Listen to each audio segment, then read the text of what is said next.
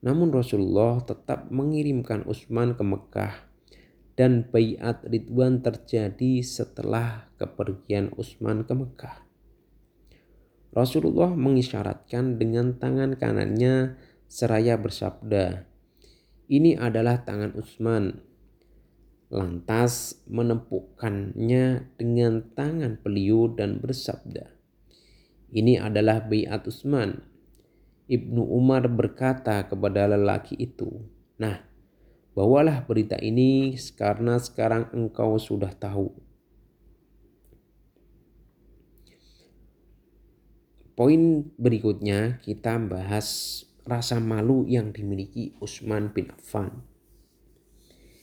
Imam Ahmad berkata, Hajjaj telah mengatakan kepada kami dan berkata, Laid telah mengatakan kepada kami dan berkata, Uqail telah mengabarkan kepadaku dari Ibnu Syihab dari Yahya bin Said bin Al-As bahwa Said bin Al-As telah menceritakan kepadaku bahwa Aisyah istri Nabi Shallallahu Alaihi Wasallam dan Utsman telah menceritakan kepada kepadanya bahwa Abu Bakar meminta izin kepada Rasulullah dan beliau sedang berbaring di tempat tidurnya sambil berselimut dengan selimut Aisyah radhiyallahu anha.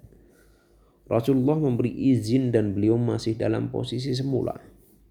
Setelah Abu Bakar menyelesaikan hajatnya, ia pun pergi. Kemudian Umar datang meminta izin kepada Rasulullah Rasulullah Shallallahu Alaihi Wasallam memberinya izin dan beliau masih dalam posisi semula.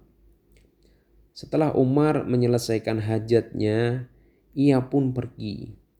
Lalu Utsman berkata, Lantas aku pun minta izin. Lalu Rasulullah duduk dan bersabda kepada Aisyah, Ambillah selimutmu.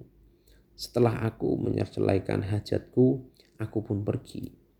Aisyah berkata, Ya Rasulullah, aku melihat engkau menyambut Abu Bakar dan Umar, tidak seperti sambutanmu terhadap Utsman.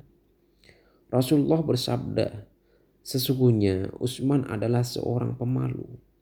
Aku khawatir jika aku menyambutnya dalam posisi seperti itu, ia tidak jadi mengungkapkan keperluannya. Laits berkata, Sekelompok orang berkata, sesungguhnya Rasulullah Shallallahu Alaihi Wasallam bersabda kepada Aisyah, tidakkah aku merasa malu sebagaimana malunya malaikat terhadap dirinya?